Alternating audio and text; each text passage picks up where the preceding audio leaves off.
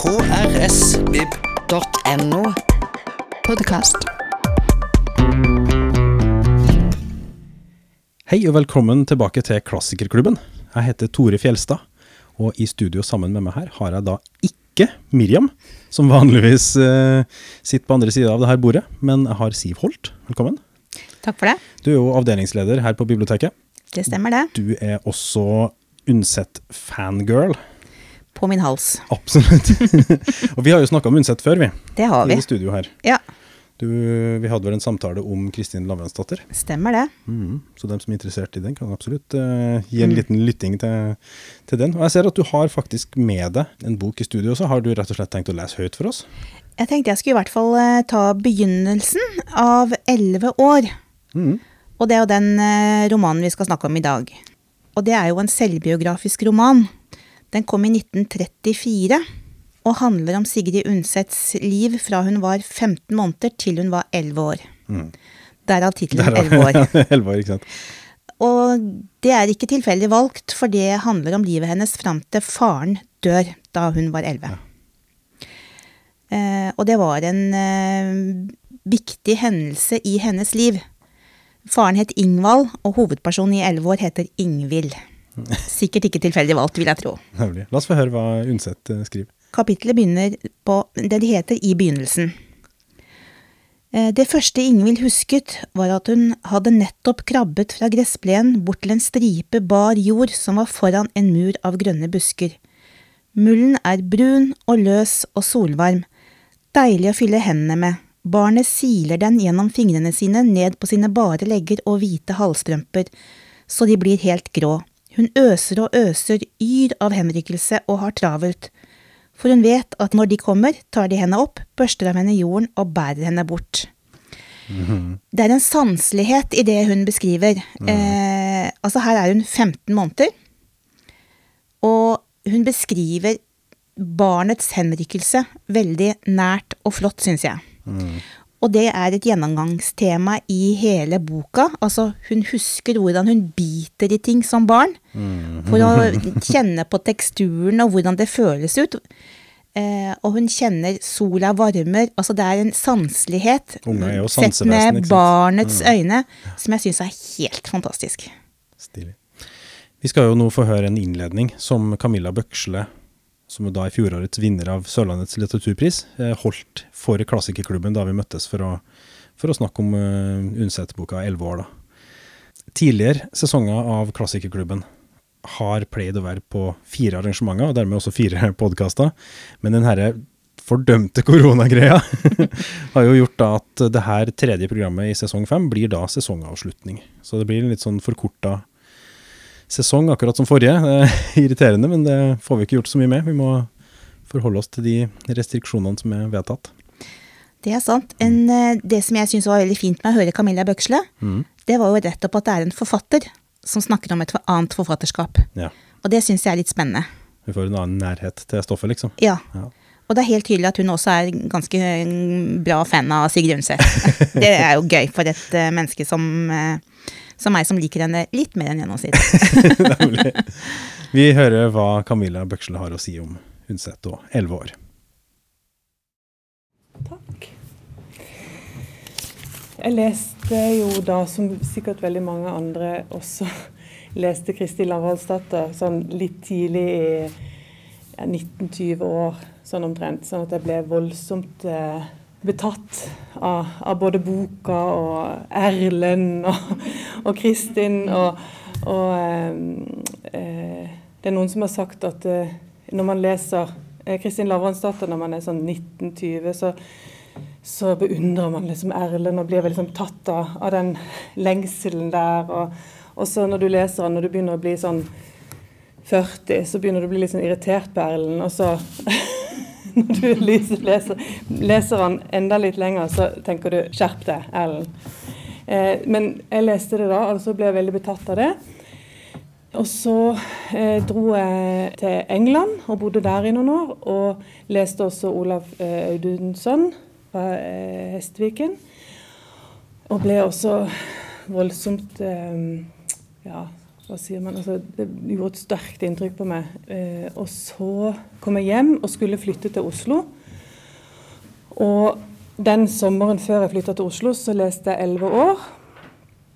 Og slukte elleve år. Og da var jeg allerede glad i Sigrid Undsets bøker.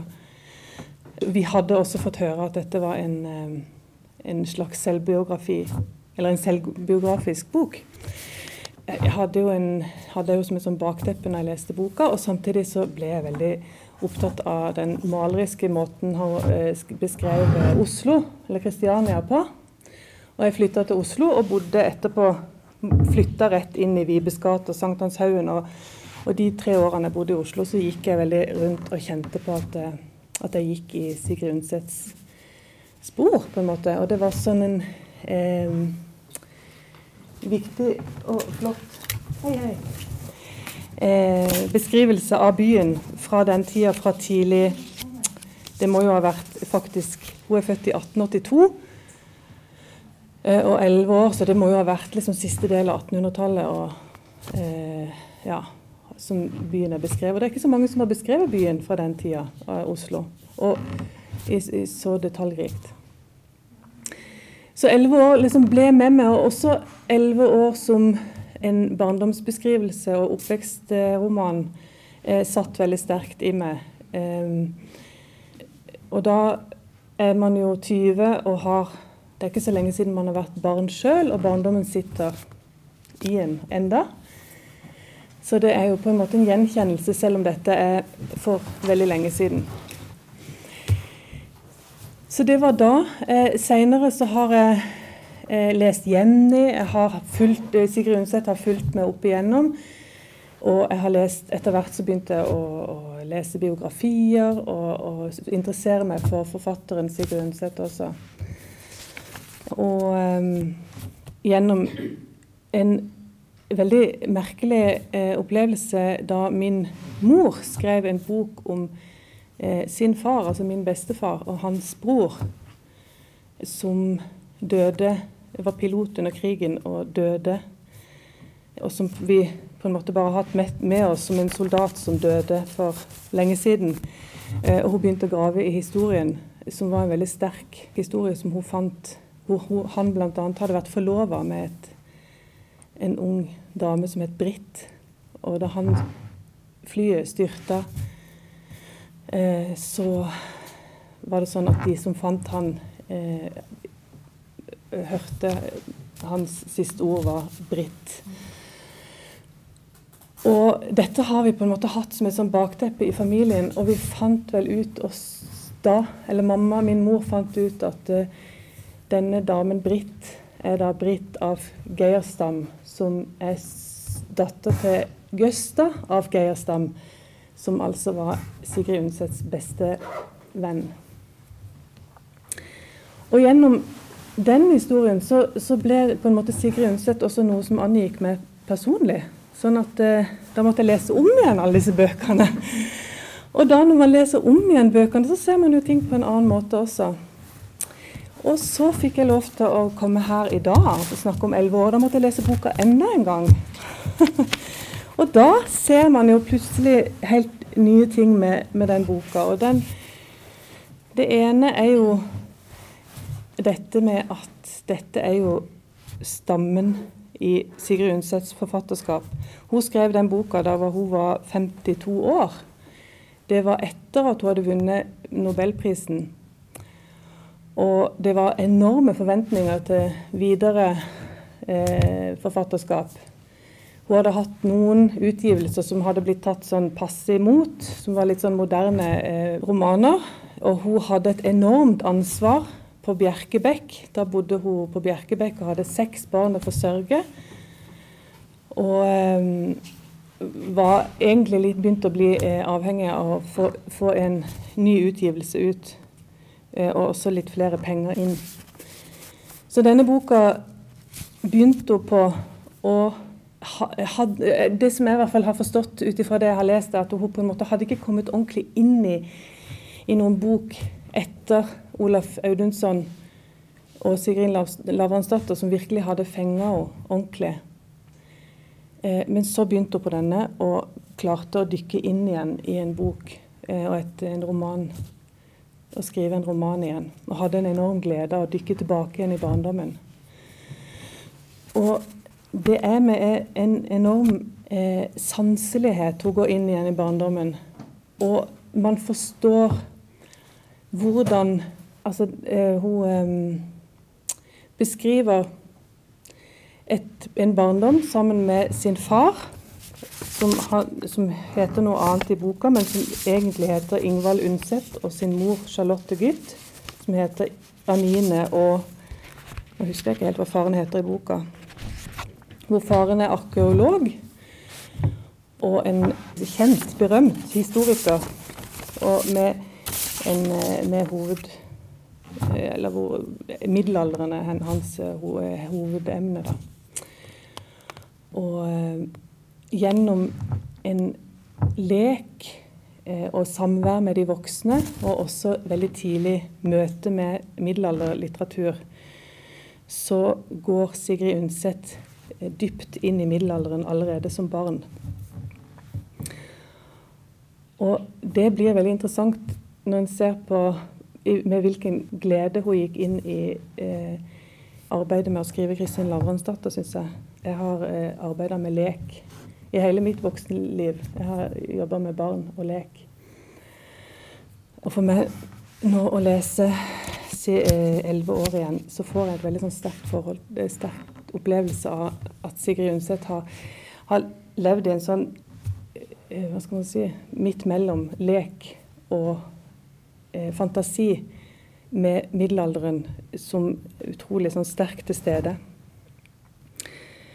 Hun leste jo eh, Hun fikk fortellingene om Agamemnon og Troja og oldtidens historie fra, fra sin far. Store, eh, store, fortellinger og tragedier. Greske tragedier, mytologier. Og så fikk hun en enorm sånn litterær skatt da, fra sin far, som kunne enormt mye. Så alt dette satt i henne. Og det blir også veldig tydelig gjennom boka. Det som også blir veldig spennende, er at hun klarer å Selv om hun er 52 år, så klarer hun å gå inn i, i det å være et barn og beskrive det å være en, altså en barndom så ordentlig. Den er veldig lite moralsk. Den er veldig lite sånn den, altså Hun klarer å, å fange, fange barndommen. Hun møter eh, bl.a. en eh, jente som heter Millie, her, som hun beundrer veldig sterkt. Og som er full av løgner og fantasi og skråsikkerhet. Og som eh, er ute har veldig mye ugagn og veldig mye fantestreker. Men som Sigrid Undset beundrer enormt. Og det er også veldig spennende med tanke på hva slags oppdrager hun var sjøl. Hun var, etter hva jeg leser, en ganske sånn myndig oppdrager. Eh, I denne boka eh, 'Portrett av et vennskap', som er skrevet av Sunniva, av, eh, altså Sunniva Hagenlund, som er datter da, til Gøsta A. Geierstam. Sigrid Undset og Jøstad var så gode venner at Jøstad faktisk konverterte til, eh, som katolikk uh, like etter at Sigrid Undset gjorde det. Og Sunniva Hun var gudmor til Sunniva. Og så hun ble døpt katolsk. Og de hadde et, et nært forhold hele livet.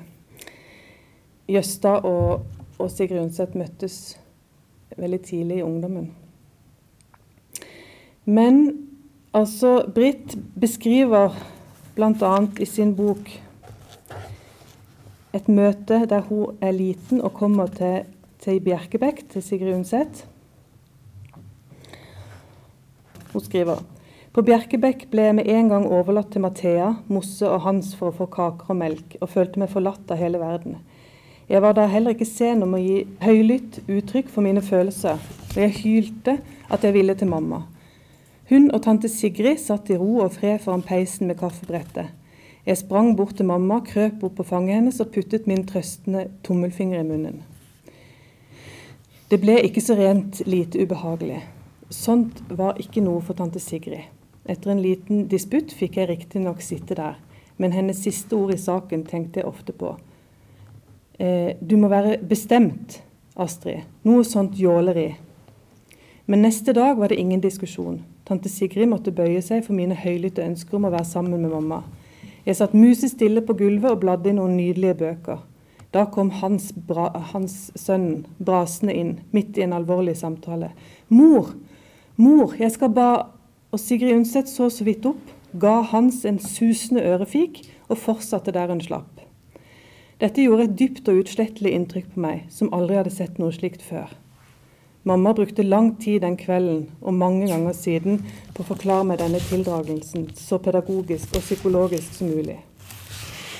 Så hun hadde en, et regime, og det, det er spesielt å lese om når man leser denne boka, for det at Og det vet man, det vet man på en måte at dette er midt i eh, Da hun hadde seks barn på Bjerkebekk og hadde et enormt forsørgeransvar, så allikevel så klarer hun å og, og, og drev et, et, et, voldsomt regime altså, for, for, sine barn, så kunne hun allikevel eh, gå eh, så dypt inn og forstå barn og barnas eh, måte å være barn på.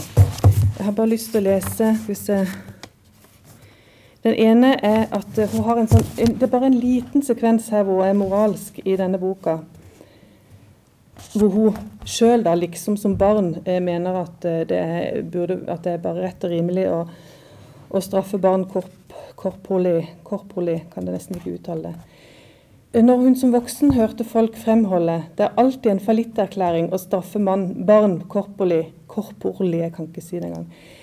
Og det skulle ikke være nødvendig, for man må kunne forklare dem hvorfor de ikke kan gjøre ditt eller datt, så undrer hun seg jo. Er det virkelig unger som er så tamme og skikkelige så de respekterer et forbud bare fordi de forstår hvorfor de voksne forbyr barn å gjøre noe som de har lyst til? Hun forsto som oftest utmerket godt foreldrenes standpunkt når de forbød henne noe. Om hun kunne dele det, kom an på så meget. Hun skjønte det f.eks. godt hvis hennes mor bet alle som hun ikke likte, så ville det bli fryktelig.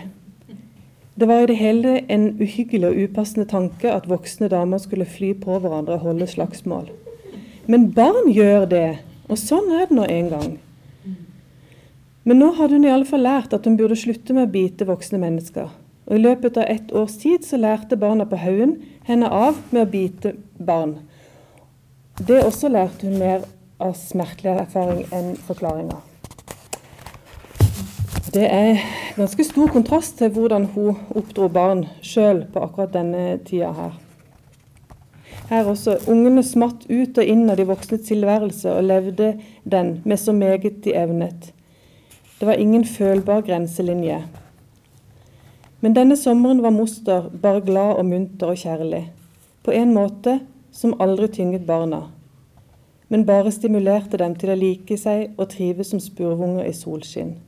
Hun hadde sin yngling Anine på besøk, og Ingvild og Marit var blitt store siden hun så dem sist, og de var friske og pene og freidige barn. Den lille var blitt oppkalt etter henne, og den lille norske barnepiken var en klok og morsom og foretaksom lille en, som hun var helt inntatt i. Mosters oppfinnsomhet var uten ende når det gjaldt å skape hygge og moro for gjestene, og hun hadde evnen til å gjøre det på en måte så gjestene trodde hun moret først og fremst seg selv. Ja, så hun hadde en, en, enorm innsikt i hva det vil si å være barn inni i, i boka. Og, det, og, hun har også en, stor, en sterk, en enorm humor også, som kanskje ikke de fleste fikk øye på. Blant annet denne. En dag fikk hun en toøre, og straks bestemte hun seg for at hun ville gjemme den. Kanskje kunne hun en dag se sitt snitt å løpe helt bort til nummer 100 og kjøpe to sukkerkuler. Hun ville invitere Klara og tvillingene og kanskje noen flere, men det var ikke verdt at Marit fikk vite noe om det, for hun kunne godt falle på å plapre om det inne. Det, Marit er lillesøster som hun ikke liker. Det voldte henne fryktelig samvittighetsnag på forhånd, og hun skulle kjøpe slikkeri og ikke dele med Marit. Det var liksom hennes fundamentaleste mor moralangrep at hun skulle dele alt godt hun fikk med sin lille søster og være glad til når Marit tok det beste stykket, som Marit også alltid gjorde. Dermed sjenerte det hennes, eh, ikke hennes samvittighet i det minste at hun holdt dette med kniven hemmelig for dem hjemme. Og heller ikke at hun hadde planlagt turen til nummer 100. Skjønt hun godt visste at hvis hun spurte om å få lov til å gå, så ville hun få nei. Det var sikkert. Hun hadde allikevel en lang, herlig tid mens toøren lå i en eske oppe i dukkestuen og lekestuen nede på, jorden, på jordet, hadde Ingvild travelt med hver dag å pusse sin fineste østerskall og skårene av en blå sukkerkopp, og kniven når det ikke var noe, noen å se på lang lei. Hun gledet seg på forskudd til det store selskapet hun skulle holde. Altså, øh, Hun har fått en toåre, og hun eh, skal ikke dele med noen. Og hun skal kjøpe godteri. Og skal i hvert fall ikke dele med Mari, som er lillesøster. Eh, og hun bruker lang tid på å tenke på godteriet som hun skal kjøpe. Og, og så drar hun en lang tur eh, langt bort fra der hun bor. og mye lenger enn det hun får lov til. Hun sitter på med en kjerre det er langt utenfor byen. Og, og, og kjerren skal egentlig stoppe for, foran eh, der som hun skal kjøpe godteri. Men hun tør ikke si ifra til han som, skal, eh, han som kjører kjerren, så hun fortsetter langt ut på landet. Og så går hun tilbake igjen til den butikken som hun skal kjøpe godteri. Og så kommer hun hjem. Og utenfor døra så møter hun pappa og Marit. Utenfor havporten møtes, eh, møt deres møtte hun sin far, og Marit gikk og holdt ham i hånden. Med en gang oppdaget Marit at Ingvild hadde noe i papiret, og så spurte hun hva det var. Det falt ikke Ingvild inn at hun kunne gjøre noe annet enn å forevise, og det var akkurat ett sukkertøy til dem hver. Godt smakte det jo, og hun innså nesten med det samme at hvis hun hadde brukt dem eh, ja, til å eh, ja, Hun har i hvert fall tenkt, tenkt, en hel masse hva hun skal gjøre med disse, dette sukkertøyet. Og eh, må da altså dele med Marit. Men bruker den turen som hun har hatt, som en, på en måte en slags sukkertøy som hun kan gå og kjenne smaken av eh, i lang tid etterpå. Og etter denne turen så, så, forteller hun at hun på en måte forsvinner inn i et lite sånn drømmeland Eh, eller ikke lite drømmeland, men det, hun, det, er på en måte hos en grense der hun lager seg sin egen verden, som hun i større og større grad eh, forsvinner inn i. Det var et eh, intervju på NRK på 70-tallet, tror jeg, med Charlotte, altså hennes niese, og Nils eh, Petter eh, hva heter han, eh, altså sønnen til han, hennes advokat, et menneske som var nær henne, hvor de ble spurt om det som av mange forfatterkollegaer ble beskrevet som den veldige stillhet. Sigrid Undsets veldige stillhet. Hun var beskrevet som et veldig sånn Altså en, en stillhet som kunne være så trykkende at det, det la en demper på hele forsamlinga når det var flere til stede. Og hun kunne oppfattes som veldig sur. Og Charlotte, hennes niese, ble spurt om dette. Og da sa hun at nei, jeg, opplevde ikke at hun var sur. Hun bare hadde et så sterkt indre liv at av og til så tok dette sterke indre livet over for det verdslige. på en måte, At det var noe som var veldig eh, spesielt med Sigrid Undset og som kunne nok misforstås veldig mange ganger. Og hun ble også spurt om dette ganske sure eh, ansiktet som Sigrid Undset har på veldig mange bilder. Hvor hun sitter med noen to store viker og disse store øynene. Og hun ble spurt om eh, var hun veldig sur, eller opplevdes hun veldig sur.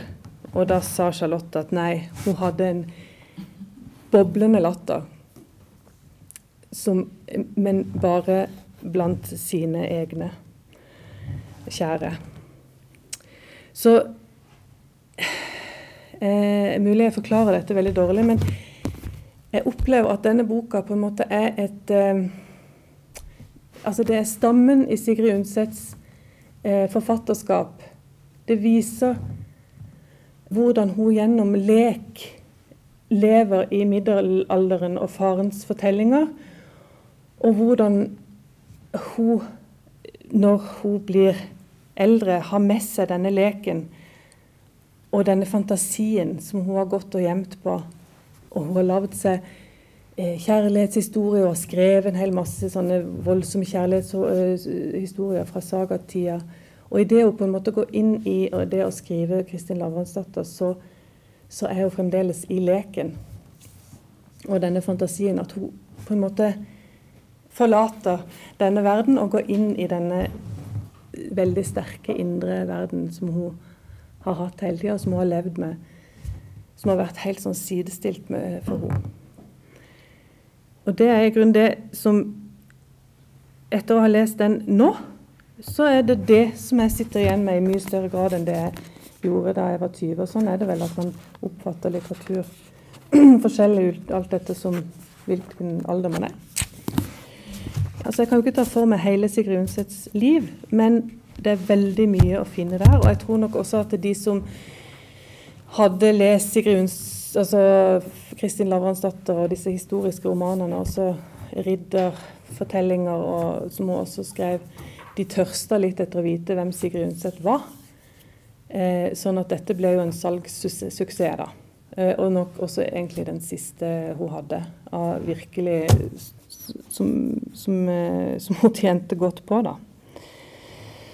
Så for lesere på den tida så må det ha vært et lite glimt inn i hvem hun var, i og med at hun i sitt ytre var ganske utilgjengelig.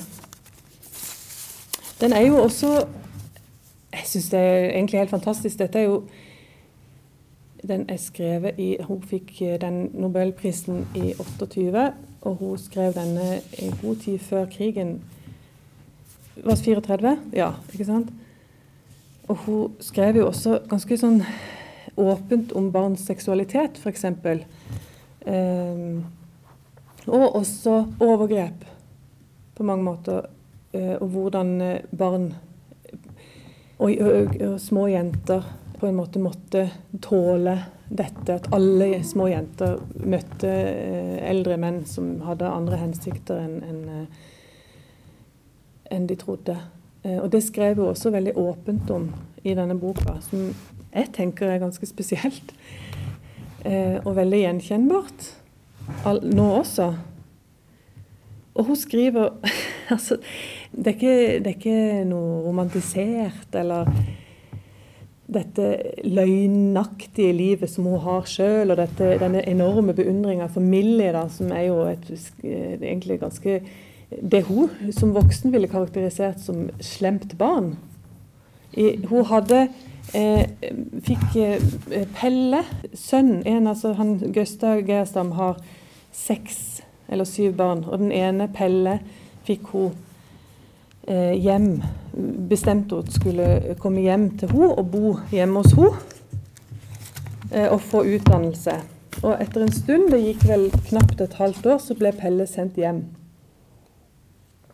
med beskjed om at Pelle var slem. Uh, jeg kan se, hva skriver hun? Ja, jeg ser ingen verdens ting om at den store gutten er så lei hele tanteriet, så han får lus i maven eller fluer i hodet av det. Men jeg håper at det skal gå bedre når han kommer inn på en riktig mannfoldskole og kommer i klasse med en hel masse andre gutter. Bare han kan la være å blunke altfor meget med det vestlandske lys som skinner i hans ånd. Men kanskje Anders kan gi ham noen tips når de skal være sammen i sommer, om de torturer som det er skikk på skolen at underkaster alle nykommere, om de forskjellige former for neverdukkerter som brukes. Uten tvil har min storsnutete herr sønn fått sitt en fortann slått ut, bl.a. Men det er ikke obligatorisk. Anders hadde nok selv fridd for den bataljen. Og dette er før han kommer, men etter hvert så blir han sendt på toget midt i skoleåret hjem til foreldre med beskjed om at han eh, duger ikke som menneske. Og det er faktisk også sånn at da eh, en av sønnene til Jøstad eh, drukner, og han sender brev hjem til Sigrid Undset om om dette, så sender hun et eh, nydelig brev eh, med kondolanse til Jøstad, men også med en eh, tanke om at det hadde vært bedre hvis det var Pelle. Så hun var ganske hard når hun først satte Og dette var et barn eh, som hun hadde i sin eh, varetekt. Så, og, og det, jeg, altså, Å lese disse tingene er ganske sterkt, eh, samtidig som en leser denne enorme forståelsen som hun har for psykologi og barns vesen. Så det har vært utrolig spennende også å lese Når jeg har lest en del av disse biografiene her samtidig som jeg har lest, eh, lest denne boka. Og en uh, utrolig Ja, to Den indre verden og den ytre verden. Hun var jo, gikk jo kvinnesaken f.eks. midt imot og snakka om moderskapet og kvinner som burde være hjemme med sine barn og underkaste seg sine menn. Samtidig som hun sjøl eh, levde et enormt selvstendig liv. Konverterte og ble katolikk. Skilte seg fra sin mann. Og var i høyeste grad var formann for i Forfatterforeninga og i aller høyeste grad eh, levde et liv utenfor hjemmet. Så hun hadde sånn Jeg tenker at hun hadde et hun levde på en måte en sånn eh, Midt imellom ønsket av hvem hun ønska å være, og hva hun ønska sånn ideelt sett skulle være, og hva hun måtte. Flere podkaster fra oss finner du på Google Podkast, Apple Podkast eller iTunes, eller ved å stikke innom vår hjemmeside på krsbib.no.